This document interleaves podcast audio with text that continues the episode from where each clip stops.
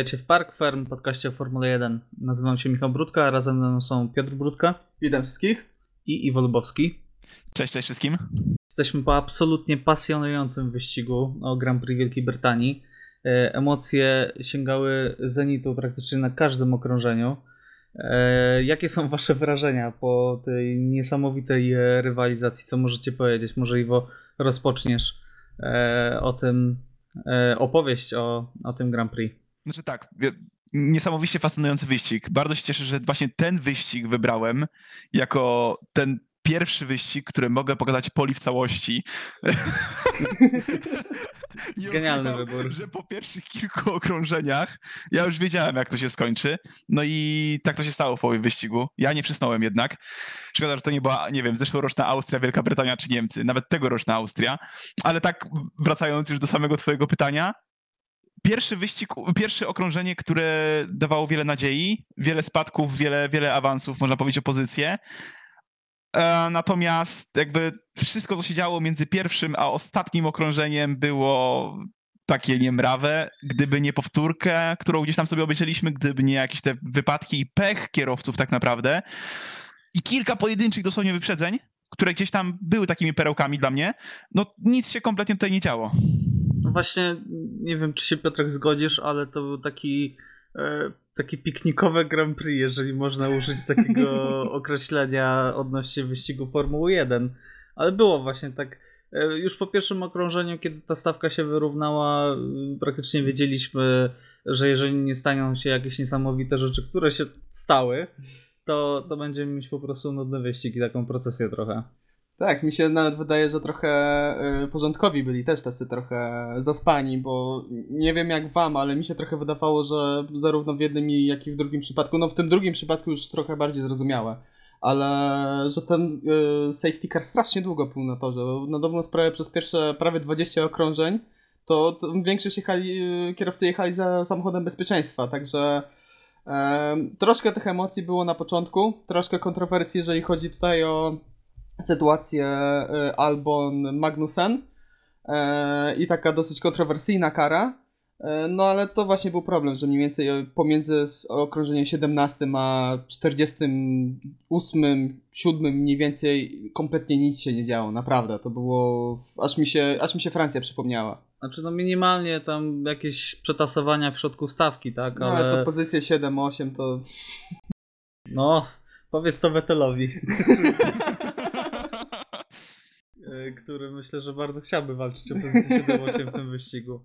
E, Okej, okay. E, no skoro już uszyłeś temat e, Albon Magnussen, e, to wypowiedzcie się, jakie jest wasze zdanie. Kara dla Albona zasłużona, czy jednak incydent wyścigowy, a może Magnussen tutaj przesadził i powinien być jakoś ukarany? Iwo, jak na to patrzysz? Znaczy, patrząc takim okiem oczywiście nie specjalisty, e, biorąc pod uwagę tego błąd popełniony przez Magnusena i tego, w którym miejscu znajdował się Alex Albon, e, bardziej skłaniałbym się ku incydentowi e, wyścigowemu. Jasne, Albon nie był w tym momencie jeszcze w połowie bolidu Kevina, natomiast zbliżał się z taką prędkością, że też ciężko było tak naprawdę wyrobić jakąkolwiek inną reakcję. Mógłby zjechać na trawę, ściąć zakręt i wjechać mu w bok.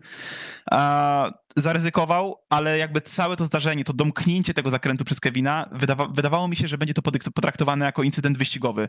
E, I bardziej nawet skłaniając się może trochę bardziej ku winie Kevina. No, myliłem się. Eee, natomiast no, wiele było takich decyzji, prawda, w, po, w poprzednich latach, yy, w których no, mieliśmy duże wątpliwości. Niech to będzie Kanada czy, czy, czy Austria zeszłoroczne, gdzie faktycznie bardzo długo o tym dyskutowaliśmy. I tutaj tak naprawdę no do tej pory uważam, że to powinno być bardziej RI niż faktycznie kara dla Albona, ale no tak jak mówię, no specjalistą w tym zakresie nie jestem już. I, i, i, i tak naprawdę co podyktowało, e, co tak naprawdę zdefiniowało bezpośrednio, że tak, to jest definitywnie kara Alexa. To mnie, to mnie ciekawi jak, a, w tym momencie aktualnie. Ja, ja jestem ciekaw, kto jest w tym momencie osobą takim ekspertem, jeżeli chodzi o te zagadnienia. Jak nie my. Bo, dokładnie. E, natomiast mam wrażenie, że sędziowie y, bardzo ochoczo rozdają te pięciosekundowe kary, bo one nie mają jakiegoś wielkiego y, znaczenia na przestrzeni całego wyścigu. Oczywiście mogą, kierowca może stracić jedną czy dwie pozycje, albo jeżeli jest neutralizacja, to nawet więcej. Natomiast szczerze powiedziawszy, ciężko mi sobie przypomnieć sytuację, kiedy mieliśmy ten racing incident, czyli to zdarzenie wyścigowe. Bardzo często jest rozdawana ta kara 5-sekundowa, nie sądzisz Piotrek? Tak, no to jest taka dla sędziów bardzo wygodna kara, no właśnie taka bezpieczna. E, wcześniej, zanim były wprowadzone te kary 5-10 sekundowe, e, no to była jedna, jedyna kara, to była kara przejazdu przez aleję serwisową. Albo która, stop and go. Albo stop and go, która była już naprawdę za bardzo mocne przewinienia. Chociaż nie tak do końca. E, ale ta ten kara przyjazdu przez aleję serwisową e, bardzo często no, rujnowała kierowcom wyścig od razu za naprawdę taki incydent. No, 5, te 7 lat temu, 8, e, album by dostał karę przyjazdu przez tak. aleję serwisową i kompletnie by wszystko mu to zamknęło w tym wyścigu, także e, także no zgodzę się tutaj z wami, że sędziowie bardzo często dają e, te kary 5-sekundowe, a co do e, jeszcze tego kontaktu, e, to ja trochę skłaniam się właśnie do tego, do tej decyzji sędziów, bo mimo wszystko ja bym wziął pod uwagę też jaki był to zakręt.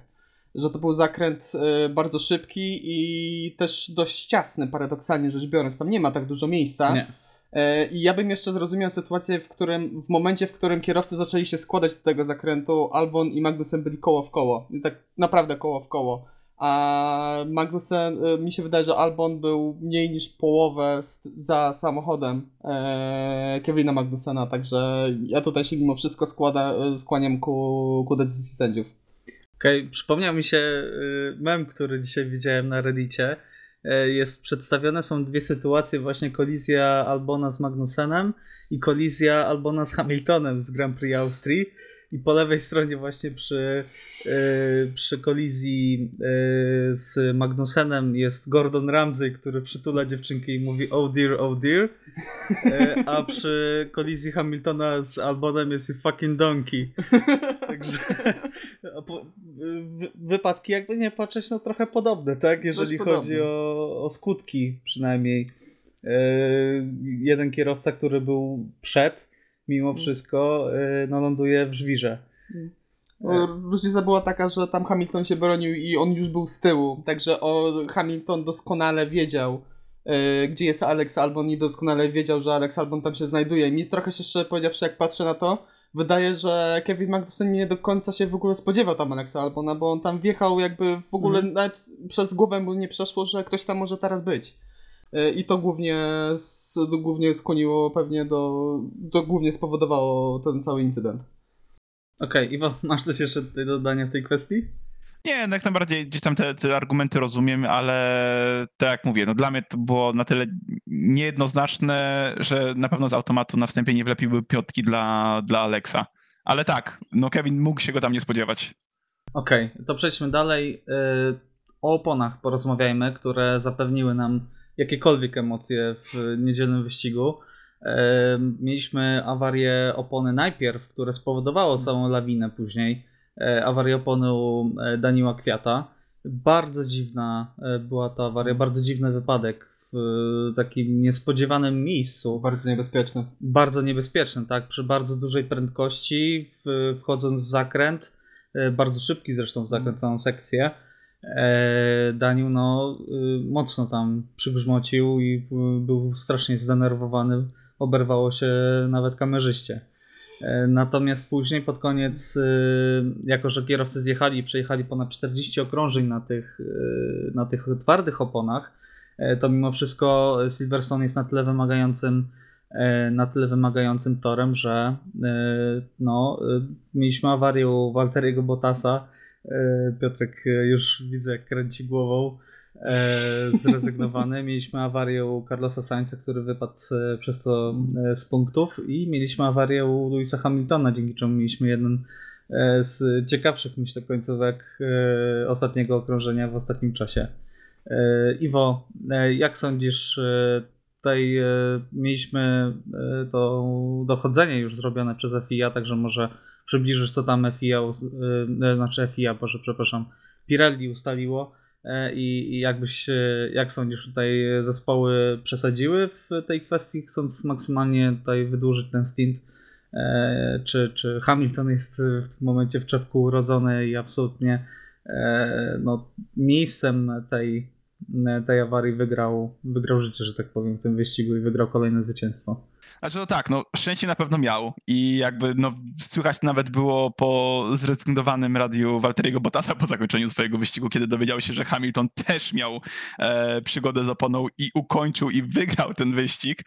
E, natomiast no ja pamiętam, w jakim ja byłem głębokim szoku, jak widziałem e, kwiata wypadającego na wejściu w Magocen Beckett i po prostu, no na początku nie wiedzieliśmy, czy to wiatr, czy to cokolwiek, czy to wiatr, czy to kwiat, ale prawda jest taka, że dopiero później, prawda, po wyścigu siedziało mi to w głowie już od 15 sekund, musiałem to powiedzieć. Ale po samym wyścigu y, dopiero zobaczyliśmy, prawda, ten filmik, gdzie widać było pękającą tylną oponę kwiata. Tak, to dopiero dzisiaj zostało opublikowane Prawda? na dobrą sprawę. Dokładnie. E, jakby widzieliśmy, że głównie samo Silverstone jest e, bardzo szybkim, e, może nie jest takim power trackiem jak Spa albo Monza, ale jest i tak szybkim, bardzo szybkim torem, nisko, e, nisko downforce'owym, że tak powiem, prawda? Ma bardzo, bardzo niskie ustawienia skrzydła z reguły, e, a w dodatku ma szalenie wysokie przeciążenia. I kiedy mamy bolidy, które są szybsze niż w zeszłym roku, a jeżdżą agresywniej, a, agresywniej również pokonują zakręty z lepszą przyczepnością, mamy w tym samym e, momencie opony zeszłoroczne. I jakby to jest główny problem. E, oczywiście no, dodatkowym problemem było to, że wszystkie prawie teamy chciały zaryzykować wczesnym pitstopem i dojechaniem na twardej mieszance do samego końca. I prawda jest taka, że gdyby to okienko było te dwa okrążenia później, to tych problemów część kierowców przynajmniej by nie miała. E, to, no, bo bałem się, że Botasowi by to się i tak przytrafiło, niestety, takie jest jego szczęście chyba, e, nad czym też ubolewam mimo wszystko. E, ale tak, e, stara konstrukcja opon, nowe bolidy, które są po prostu szybsze i no, widzimy, co się stało. No i duże ryzyko. Zespoły bardzo dużo zaryzykowały, zmieniając opony tak szybko, bez próby e, późniejszych, późniejszej zmiany. No widać było nawet po Maxie, prawda? No raz, że chcieli zrobić najszybsze okrążenie, dwa, widzieli, co się stało z, widzieli, co się stało z Saincem, widzieli, co się stało z Botasem ich, i no jeszcze nie wiedzieli niestety, co się stało z Hamiltonem. No i nie chcieli ryzykować po prostu, a zdobyć jeden pewny punkt za najszybsze kółko. Także szkoda, ale sam Max był akurat zadowolony z wyniku mimo wszystko. E, no ale co tu więcej powiedzieć, jakby wnioski są proste. Opona nie została odpowiednio przystosowana do, do, do tych aut. Zobaczymy, co będzie w kolejnych wyścigach. Zobaczymy przede wszystkim, co będzie na Spa i, i na Monzie tak naprawdę, bo e, tamte prędkości mogą być no, jeszcze, jeszcze, jeszcze wyższe niż w zeszłym roku. Okej, okay, to może rozbijmy tę dyskusję na dwa tematy. E, pierwszy e, właśnie o samym wypadku Daniła Kwiata. E, myślę, że tutaj temat już prawie wyczerpaliśmy. Natomiast drugim oddzielnym takim tematem, już trochę na uboczu opon trochę, jest ta decyzja Red Bulla, bo myślę, że też warto się tutaj troszeczkę może podywagować, co by było gdyby, bo Christian Horner otwarcie powiedział, że te opony u Maxa też były bardzo mocno już ponacinane nawet, powiedział, E, i nie było absolutnie żadnej gwarancji, że e, w obliczu awarii tutaj u innych bolidów Max dojedzie i broni tej pozycji o zjeździe na, na świeże opony, e, która zapewniła co prawda jeden punkt za najszybsze okrążenie, ale odebrała Maxowi szansę na zwycięstwo w wyścigu. Piotrek, jak się odniesiesz do awarii opony u Walteriego Bottasa?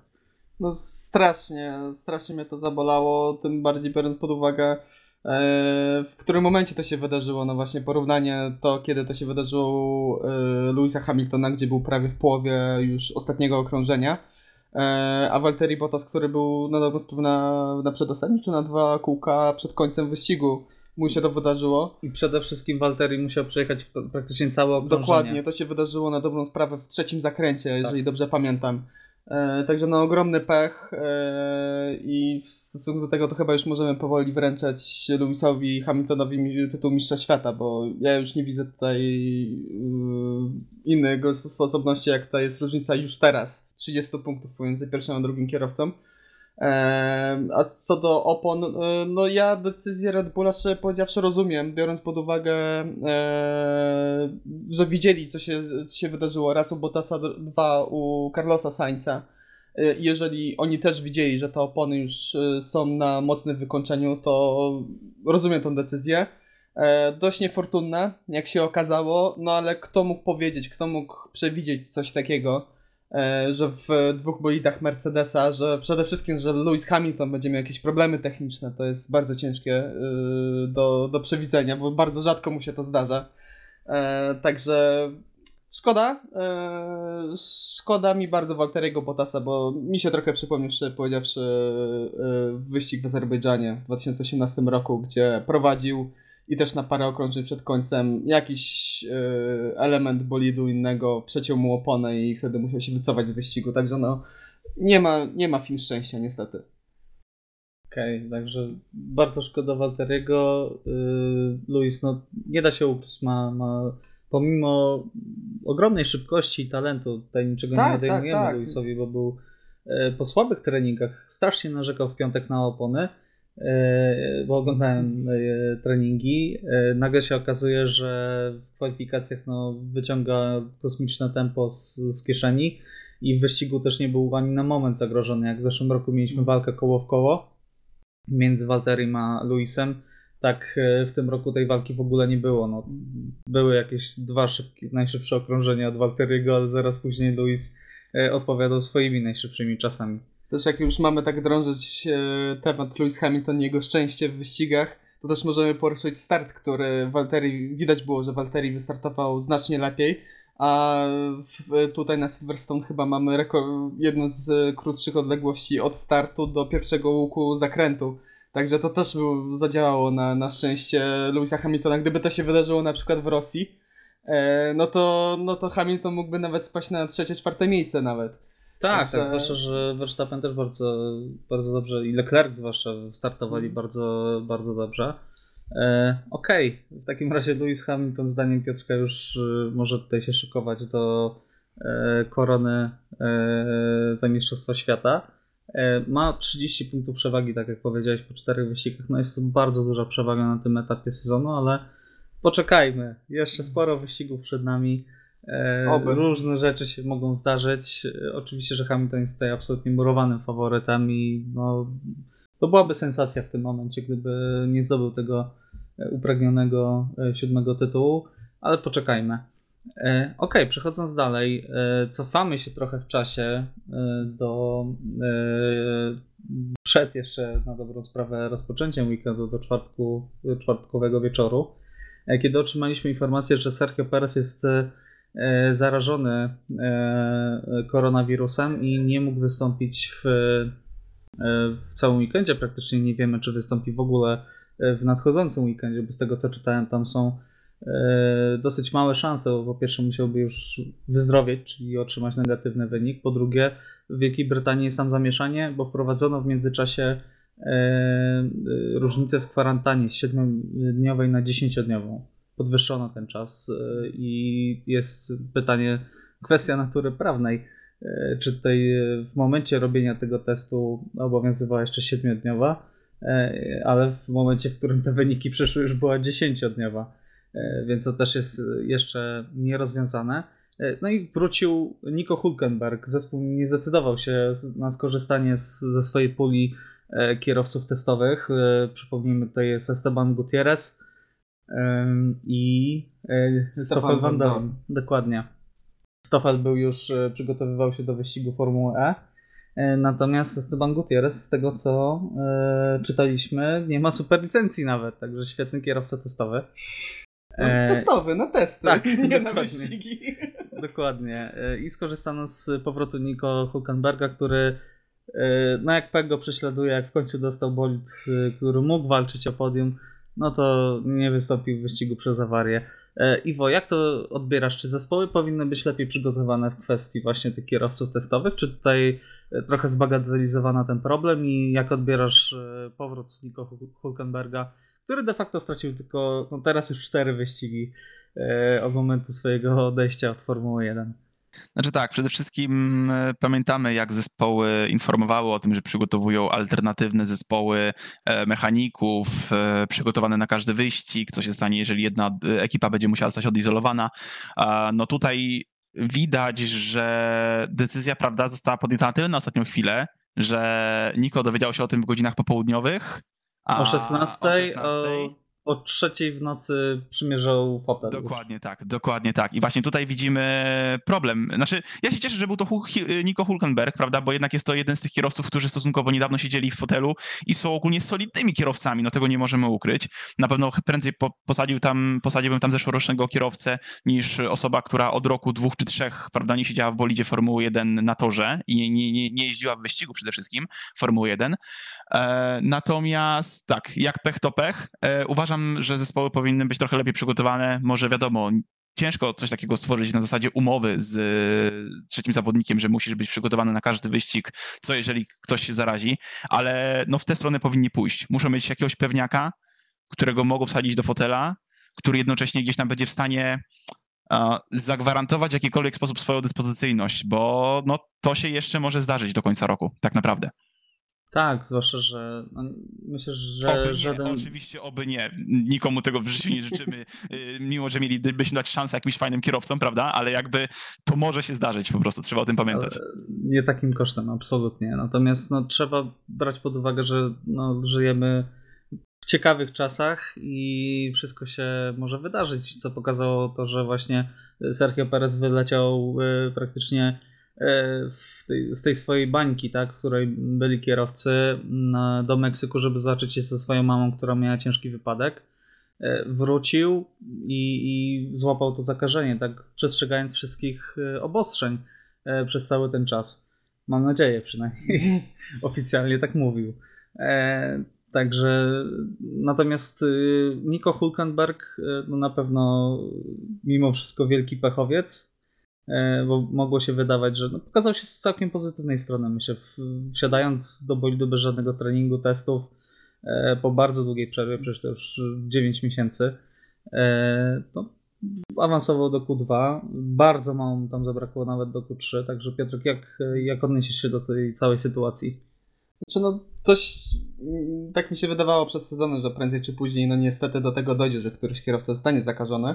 E, I tak jeszcze odnosząc się do tego wątku, e, ja myślę, że tutaj e, Formuła 1 trochę stała się ofiarą własnych obostrzeń, jeżeli chodzi o przyznawanie superlicencji.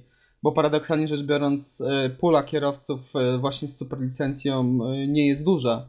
E, tych, którzy nie jeżdżą aktualnie, bo to nie jest, bo to teraz e, nie tylko trzeba mieć kilometry, a wiadomo jakie mamy obostrzenia, jeżeli chodzi o testy poza. Teraz e, w czasach epidemii COVID-19 to już totalnie, nawet na dzień filmowy sobie zespoły raczej nie mogą tak. pozwolić.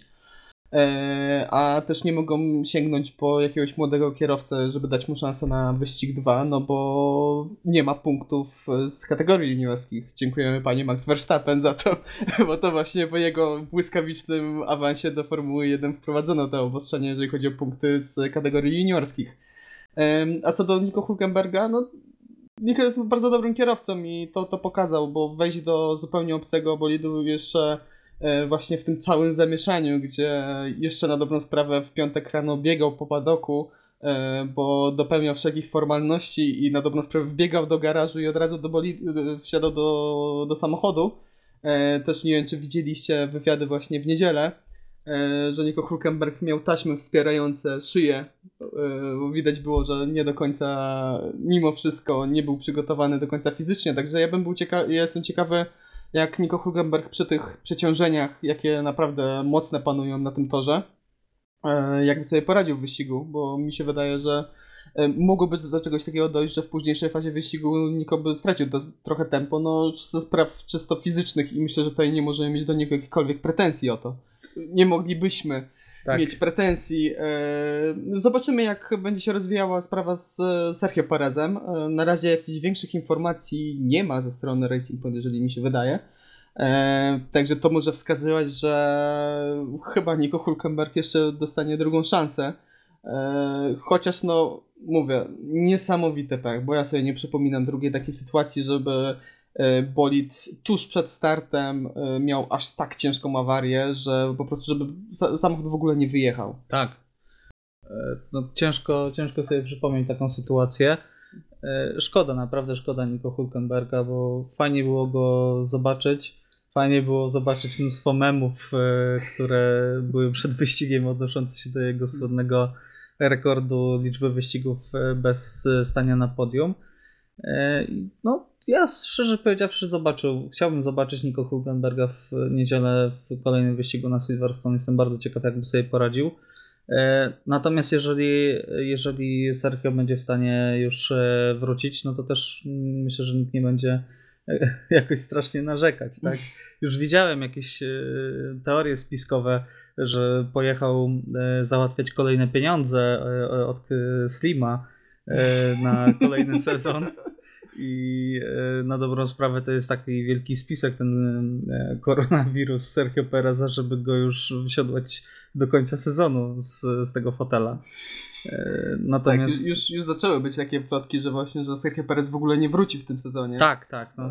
Że już go pożegnają. No, ja wątpię w, w takie rozwiązanie. Wątpię, żeby na coś takiego się dopuściło Racing Point, bo nie ma ku temu podstaw jakichś sensownych, logicznych, szczerze powiedziawszy.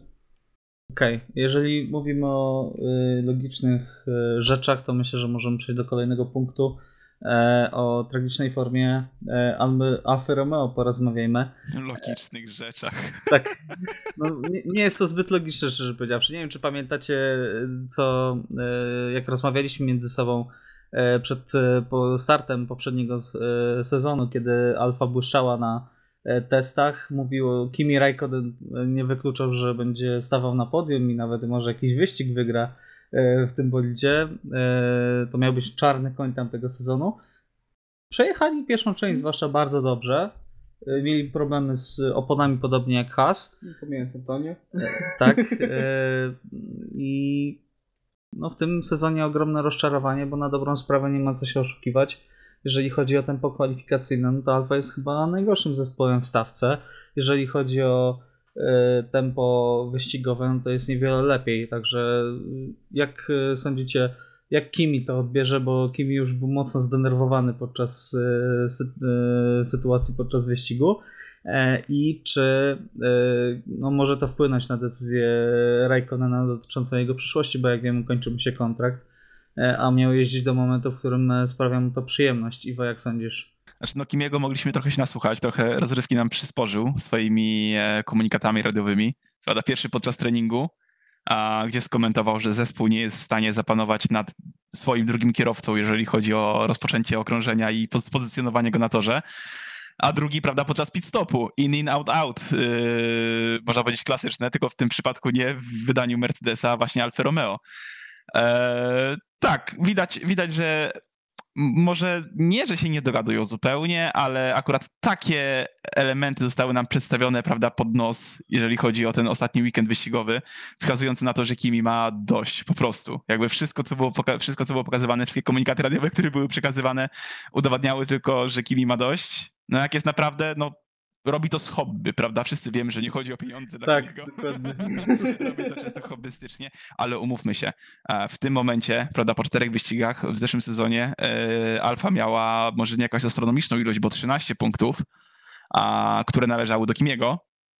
Tak, e, tak, po czterech wyścigach to były punkty tylko Kimiego, mhm. dopiero w Austrii tak, tak. to był Giovinazzi, a w tym momencie mamy jedynie dwa punkty które były zdobyte w pierwszym wyścigu, gdzie było mnóstwo awarii. Dokładnie tak, także no widzimy kolosalną różnicę na minus niestety i nie spodziewam się, żeby do połowy sezonu byli w stanie się z tego odkopać, szczególnie, że ten środek stawki trochę no, się przesunął, prawda? I, i, i tak jak może spadł za nich has i czy za nich, to już no można... właśnie jeżdżą podobnym tempem. Jeżdżą podobnym tempem, dokładnie. To Williams, można powiedzieć, jest cały czas bez punktów, ale no, nie jestem w stanie powiedzieć, że jeżdżą gorzej. Mimo wszystko. A, a to już dużo punktów. mówi, tak?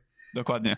No Alfa, Piotrek, nie wiem czy się zgodzisz, ale chyba najbardziej y, straciła, czy najbardziej straciła, na pewno bardzo straciła na silnikach Ferrari, tak? Już tej mhm. przewagi, y, którą mieli w zeszłym sezonie nie mają i wyszły braki czysto konstrukcyjne, tak? Y, tego bolidu. E, nastawiali się kierowcy po sobocie na walkę o punkty, a rzeczywistość okazała się bardzo brutalna. Tak, no ten wyścig też był trochę, powiedziawszy, dość e, specyficzny. No. E, te wczesne zjazdy na 17 okrążeniu, czy na troszkę wcześniej na twarde opony i cała reszta wyścigu na tych twardych oponach e, trochę zmieniła obraz wyścigu i możliwe, że na przykład ta twardsza mieszanka kompletnie nie pasowała samochodom Alfa Romeo. Ja też odnośnie formy generalnie Alfy w tym, w tym sezonie. E, cały czas z tyłu głowy mam te ich problemy z testu, z okresu przygotowawczego przed sezonem, z zimy, gdzie ich pierwszy monokoch e, uległ całkowitemu zniszczeniu na testach zdarzeniowych, e, przez co byli tam mniej więcej miesiąc czy półtora w plecy w całym procesie wytwórczym i No też konstrukcyjnym, a to jest ogrom czasu. Biorąc pod uwagę, jak, ważną, jak ważnym elementem jest właśnie monokok w, w bolidzie. Także e, trochę się tego spodziewałem po tym, e, po właśnie tych e, wiadomościach z zimy. Szczerze powiedziawszy, ten pierwszy weekend tak nie do końca, trochę mi dał więcej nadziei, że może będzie już trochę nawet lepiej.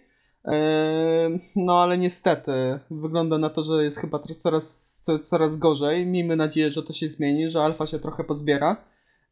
Ale jest trochę w tym ze- zespole stagnacji e, od połowy zeszłego sezonu, Tak. e, gdzie na początku właśnie tak jak mówimy, dobrze wystartowali, świetne testy, dobre pierwsza połowa sezonu, e, później próbowali jakiś poprawek, ale one nie do końca wychodziły i od tamtego momentu już tak coraz gorzej to wyglądało. No już koń- końcówka sezonu to pod koniec całej stawki na dobrą sprawę Alfa. Mieli jeden dobry wyścig w Brazylii. Tak. To był wyścig, w którym Piergassi stanął. Tak, no, który to kolejny szalony wyścig, także no, to są takie wyścigi, tak samo jakby powiedzieć, że świetna forma w ogóle, świetny sezon w zeszłym roku miało wtedy y, Toro Rosso, bo dwa razy stali, stali na podium. Tak. No, rzeczywistość wyglądała trochę inaczej. E, Okej, czyli raczej nie zanosi się na jakąś magiczną poprawę, zwłaszcza, że nie słyszeliśmy w wypowiedziach jakichś zapowiedzi wielkich pakietów poprawek. Dokładnie, no miejmy nadzieję, że te poprawki się po, pojawią trochę dosyć szybko. E, no, Zwłaszcza, że Alfa jeszcze jest w trakcie budowania swojego tunelu aerodynamicznego. Znaczy, budować już zbudowała jeszcze. e, No, jest praca nad tym, żeby go odpowiednio skalibrować, co No zespoły wielokrotnie pokazywały, że e, to jest absolutnie kluczowe, jeżeli chodzi o poprawę tempa, tempa bolidu. Jeżeli mówimy już o lepszym tempie, no to na pewno musimy porozmawiać chwilę o Renault, ponieważ Renault zaliczyło absolutnie fantastyczny wynik w niedzielę. Czwarte miejsce Daniela Ricciardo, które wyrównanie jego najlepsze osiągnięcie dla e, francuskiej ekipy. I szóste miejsce Estebana Ocona. E, Nawet Lando Norris e, wspominał e, w swojej wy- wypowiedzi po wyścigu, że, że był zaskoczony tempem Renault. E, I widać to było na torze, że naprawdę mieli to tempo w niedzielę e, i byli naprawdę groźni. Piotrek, e, ty czekałeś na ten, e, na ten wynik dobre Renault, no także może, może zaczniesz od swojego komentarza. Tak, to y, pozytywną wypowiedź Norrica jeszcze podkreślało, to nie wiem czy widzieliście tuż po wyścigu, w momencie, w którym Daniel Ricciardo jeszcze był w bolidzie, to Lando Norris Tak. sprzedał mu takiego porządnego klapsa y, w sam czubek jego kasku. Y, widać, że panowie przypadają za sobą. A co do Renault, bardzo mnie to cieszy. W końcu, w końcu Renault pokazało rezultat na miarę mo- ich możliwości, na miarę tego, co powinni prezentować na dobrą sprawę już od zeszłego sezonu, moim zdaniem.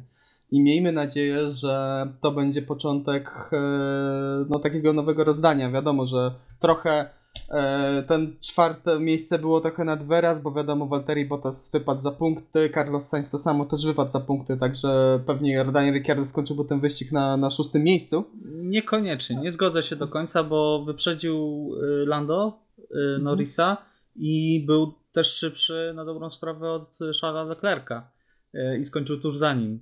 Więc równie dobrze, gdyby ten wyścig potrwał jedno-dwa okrążenia dłużej, to mógłby skończyć też na, na podium Daniel Ricciardo. Nawet powiedzmy na drugim miejscu, jakby wyprzedził Charlesa Leclerca, Lewis Hamilton by wypadł za punkty, to by kompletnie tutaj Tak, a by jeszcze, gdyby? a, a jeszcze jakby by Max wypadł, to by wygrał. Nie, ale tak podsumowując, e, bardzo mnie to cieszy, bo no, nie ukrywam, że mam trochę sympatii do tego e, zespołu, pomijając e, osobę, która jest na czele tego zespołu. ale oby tak dalej. Miejmy nadzieję, że w niedzielę potwierdzą do, tą dobrą formę. No właśnie, Iwo, Cyril odetchnął, jak sądzisz? Oj, na pewno, no umówmy się, to jest 20 punktów z jednego wyścigu, prawda? To jest jakby potworna ilość, biorąc pod uwagę a, wcześniejsze dokonania. E, a mam podobne podejście jak Piotrek. Może nie jestem jakimś olbrzymim kibicem Renault, ale gdzieś tak w głębi serca no, lubię bardzo Daniela Ricciardo, który już zaraz tam nie będzie jeździł. I ogólnie gdzieś tam mam jakiś sentyment do, do, do, do, do, całego zespołu, mimo wszystko. E, tak, e, czuć, słychać i, i gdzieś tam widać było w tym wyścigu te w końcu szumnie zapowiadane tysiąc galopujących koni mechanicznych w, w ich autorskim silniku. Także ja się cieszę, bo w końcu jest to kolejny zespół, który osiąga, e, który może konkurować e, z Racing Pointem, który może konkurować z, z Mercedesem i z, a, z McLarenem. Przepraszam. No właśnie, spokojnie, spokojnie. I z, i, z, i z, Mercedes, y, z McLarenem. Y, I jakby, i to jest fajne, bo tak naprawdę no, ta walka będzie się toczyła w tym momencie między nimi, między Ferrari, bo prawda jest taka, to samo, co właśnie Piotrek widział. Ja tak naprawdę pod sam koniec wyścigu jeszcze liczyłem, że Ricciardo faktycznie skończy na podium.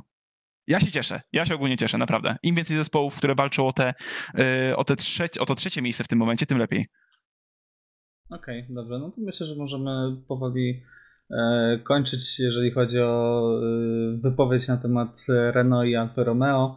E, jeszcze jakieś wrażenia na plus, na minus e, odnośnie, e, odnośnie Grand Prix Wielkiej Brytanii? Ja myślę, że trzeba tutaj pochwalić jeszcze formę Alfa Tauri, zwłaszcza Piera Gastiego. Co prawda Daniel też zaliczył świetny start e, i przebił się bardzo szybko, dość wysoko, tak, zaraz za Pierem jechał. Tak, widok objeżdżającego Gastiego, który objeżdżał Sebastiana Vettela, E, jak to czytałem na Twitterze, wypowiedź chyba Roberta Smoczyńskiego, e, zobaczyć jak Minardi objeżdża Ferrari to jest, to jest widok niesamowity. To się nie widzi codziennie. E, także ode mnie na plus na pewno Alfa Tauri. Czy mogę wskazać kogoś na minus? Myślę, że lawirującego na lewo i prawo Grożana, bo jak doceniam jego wysiłek w tym wyścigu i ciekawą decyzję strategiczną e, odnośnie niezjechania na pit stop, e, tak, no nie podobało mi się. To myślę, że tutaj trochę przesadził Roman i poniosła go ta e, francuska fantazja. E, e, Piotrek, e, może wskażesz, jakie są tutaj twoje plusy i minusy, kogo byś wyróżnił, kogo zganił? Ja też bym pochwalił Piera Gasliego.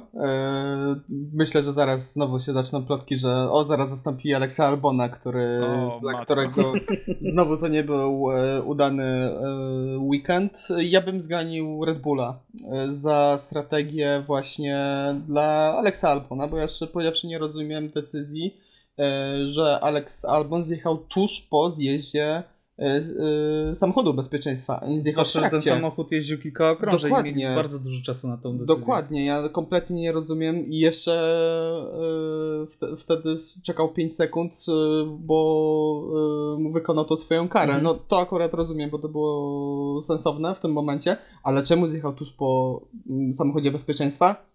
Nie wiem, nie mam zielonego pojęcia. To taka decyzja trochę w, w stylu Ferrari, powiedziawszy mi się przypomniała, a nie w stylu Red Bulla.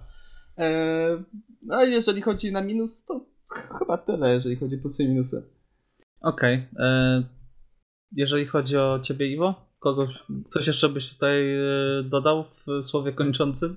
Znaczy, powiem, ja, ja nie byłbym oryginalny, bo o Renault mówiliśmy, dla mnie to był plus Gasly, przede wszystkim za ten świetny manewr wyprzedzania na strolu i pytanie, czy faktycznie Stroll zapomniał używać swojej energii, o której wspomniał mu inżynier wyścigowy, czy wolę jednak myśleć o tym, że faktycznie Gasly był, był w formie raczej i auto było w formie i strasznie mi się to podobało. Naprawdę strasznie satysfakcjonujący manewr wyprzedzania na pierwszym e, zakręcie. Nie pamiętam już którego okrążenia niestety, e, ale gdzieś to było 3 czwarte wyścigu. E, z minusów to samo. Agresywna obrona Romana e, i no albo na ciężko samego w sobie winić, ale jednak no, patrzymy na niego jako kierowca, a nie na zespół w tym momencie. I więc gdzieś tam do tych minusów mimo wszystko cały, cały nie dostał weekend... do Q3. Tak, dokładnie. Tak, cały do, weekend. Znowu go nie było w Q3. Właśnie, dlatego jako cały weekend też Alex Albon znowu. A sami pamiętacie, jak ja go broniłem na początku, że jest lepiej. I tak, no niestety jest może Pierre Gasly nie dojechał Wielkiej Brytanii w zeszłym roku, więc może nie jest gorzej w tym przypadku, ale, ale no i tu chyba rozbił sobie skrzydło Alex Albona. Tak teraz sobie przypominam. O kurczę, no. Ojej, a, nie pamiętam, nie szczerze powiedziawszy. Ale, nie jest, ale nie, jest, nie jest dobrze. Niestety nie jest dobrze i czarne chmury nad Aleksem chyba się zbierają, a szkoda, bo po zeszłorocznej Belgii naprawdę miałem dużą nadzieję. Okej, okay, dobrze. No to zobaczymy, czy te czarne chmury zbierające się będą jak e, na Hungaroringu e, dojeżdżać na kolejne Grand Prix, czy jednak się skończy tylko na czarnych chmurach i jakichś zagrożeniach. E, jeżeli chodzi o nasze przewidywania zeszło, zeszłotygodniowe, to no, musimy sobie bić brawo, bo postawiliśmy mm, dzielnie na Louisa Hamiltona jako zdobywcę pole position i zwycięzcę Grand Prix, także świetnie. Natomiast nie mogłem znaleźć, szczerze powiedziawszy, informacji na temat kierowcy dnia. Z tego co słyszałem, była możliwość głosowania na Nico Hulkenberga i internauci poszli za głosem serca i dali ten tytuł Nico. No informacji znaleźć nie mogę ani na Twitterze sponsora tej nagrody DHL-a, ani, ani na stronie Formuły 1 tej informacji nie było, także chyba nie przyznano za ten, za ten wyścig. Chyba Niko wygrał. Chyba naprawdę wygrał to głosowanie i uznali, że... Pierwsza rzecz, którą wygrał w Formule 1. Uuu. No nie no, pole position kiedyś zdobył. Okej, okay, dobra, tak. Brazylia 2012? Czy 11? 11. Okej, okay, dobrze. E, wracając y, do, do meritum, e, zostawiamy już e, Grand Prix Wielkiej Brytanii. E, nie wiem, czy będziemy cokolwiek pamiętać z tego wyścigu za, za pół roku. E, chyba nie. Że za tydzień jest następny. Tak, na szczęście w niedzielę jest kolejny Grand Prix na torze Silverstone Grand Prix 70-lecia, o którym za, za chwilę porozmawiamy. E, natomiast jeszcze wcześniej dzisiejsza świeża informacja e, potwierdzono już e, ostatecznie bardzo ciekawy format weekendu na Imoli. Będzie to weekend dwudniowy, nie będzie piątkowych treningów. Będzie tylko jedna sesja w sobotę rano, 90-minutowa E, I e, to będzie jedyne przygotowanie, także e, jak sądzicie, jak to wpłynie na pracę zespołów? Czy może to namieszać w, w wynikach, biorąc pod uwagę, że te zespoły największe no, mają swoich kierowców w symulatorach, którzy analizują między z piątku na, na sobotę te dane. Piotrek, jak sądzisz, jaka tutaj będzie różnica? Czy, czy Twoim zdaniem to polepszy jakoś widowisko, czy może jakoś namieszać?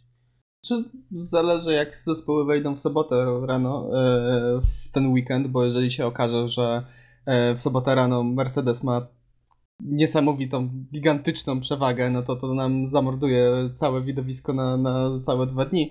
Ale y, mnie cieszy ta de decyzja, e, głównie ze względu na to, że to jest nowy tor. E, na którym się nie ścigaliśmy od 2000. No, Alfa Tauri się cieszy w tym momencie. Tak, chyba. od 2006. 2006. 2006 A, okay, 2006, 2006 roku, także e, dawno nie było tego toru. E, bardzo go lubię i też w zeszłym sezonie było dosyć dużo spekulacji na temat właśnie piątkowych treningów, żeby zrobić jedną sesję, żeby w ogóle ich nie zrobić, żeby zrobić jedną długą sesję w ogóle treningową, także będziemy mieli e, taki eksperyment właśnie mhm. tutaj. E, I jestem bardzo ciekawy, jak, jak to wyjdzie. E, szczerze powiedziawszy, myślę, że trochę na plus, bo nie wiem jak wam. Oczywiście pierwszy weekend w Austrii to się z wypiekami na twarzy oglądało nawet te sesje treningowe.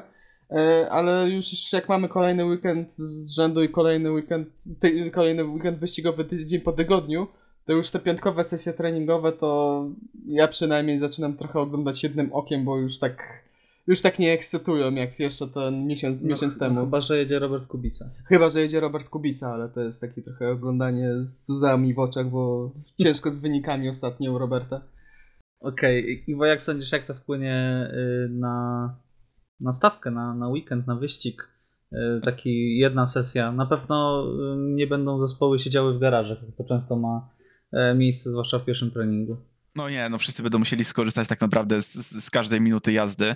I obawiam się mimo wszystko, że szczególnie przez to, że nie spodziewali się raczej tego toru, znaczy spodziewali się na pewno, że to może być opcja, e, ale realnie podchodzili jeszcze do tego tematu kilka miesięcy temu, Eee, obawiam się, że mogą jechać bezpiecznie, że wyścig może być bezpieczny, że może się zamienić trochę w procesję, ponieważ kierowcy nie będą mieli odpowiednio dużego czasu, żeby przygotować się pod tor, żeby przygotować odpowiednio auto pod tor i żeby faktycznie brać z niego jak najwięcej, żeby łykać te tarki, prawda, jak najefektywniej.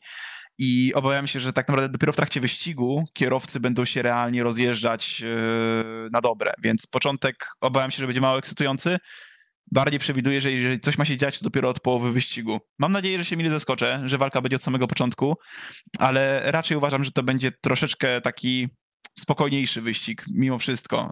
Y, szczególnie, że nitka nie należy do najszerszych, a bolid nie należy do najwęższych.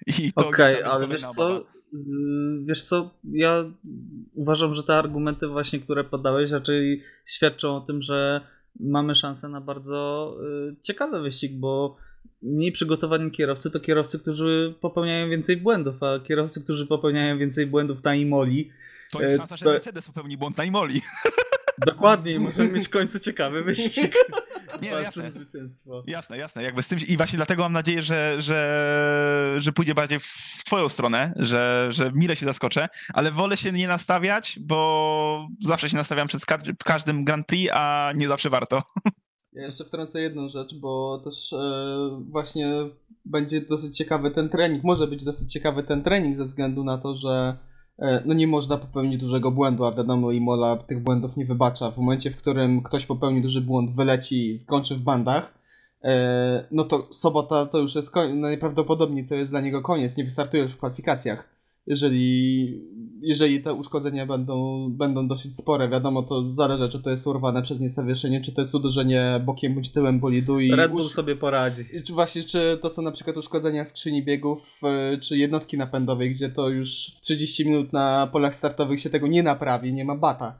E, także to będzie, myślę, może to być dosyć ciekawa sesja treningowa, na pewno ryzykowna dla kierowców, bo ten margines błędu będzie jeszcze mniejszy E, biorąc pod uwagę, jaki to jest tor.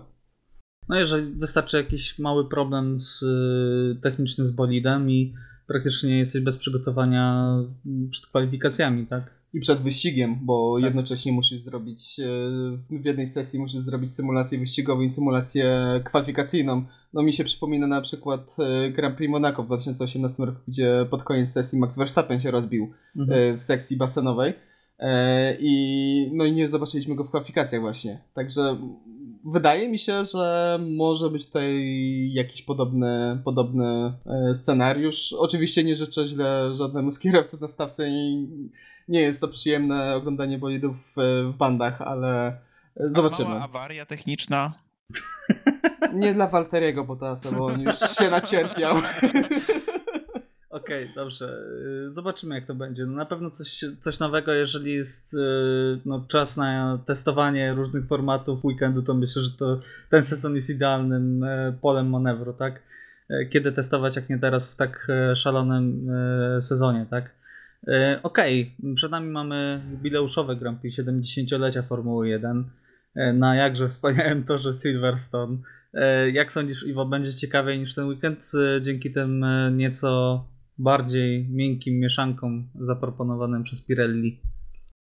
O, jeżeli mamy mieć więcej pit stopów przez to, to tak. Także to jest chyba ta jedyna nadzieja, bo nie spodziewam się innego rezultatu. E, może troszeczkę inne rozłożenie podium. E, ale gdzieś widzę dalej Luisa na pierwszym miejscu, natomiast e, chcę zobaczyć więcej pit stopów, bo faktycznie podczas oglądania, już sam wspomniałeś, prawda, że teraz będziemy e, oglądać tak naprawdę, jest ryzyko procesji, bo wszyscy będą chcieli grać tylko i wyłącznie na dotrwanie opon. No mam nadzieję, że tego nie będzie i że faktycznie tym razem już dadzą troszeczkę więcej z siebie. I chcę po prostu, żeby było więcej emocji pomiędzy pierwszym a ostatnim kółkiem. Jakby tego sobie tylko życzę i nam tego życzę. Okej, okay, Piotrek, jakie są twoje przewidywania, jakieś życzenia przed y, Grand Prix 70-lecia? No, ostatni jubileusz Formuły 1 nie wyszedł. To był tysięczny wyścig na Grand Prix Chin.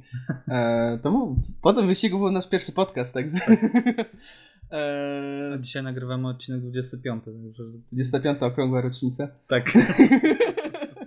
e, ale no, nie wiem, ja jestem dosyć sceptycznie podchodzę do tej zmiany mieszanek na bardziej miękką. Tutaj było to trochę tak pokazywane, że wow, super zmiana, która da nam bardzo dużo rzeczy, a mnie ona w ogóle, w ogóle jakoś nie elektryzuje.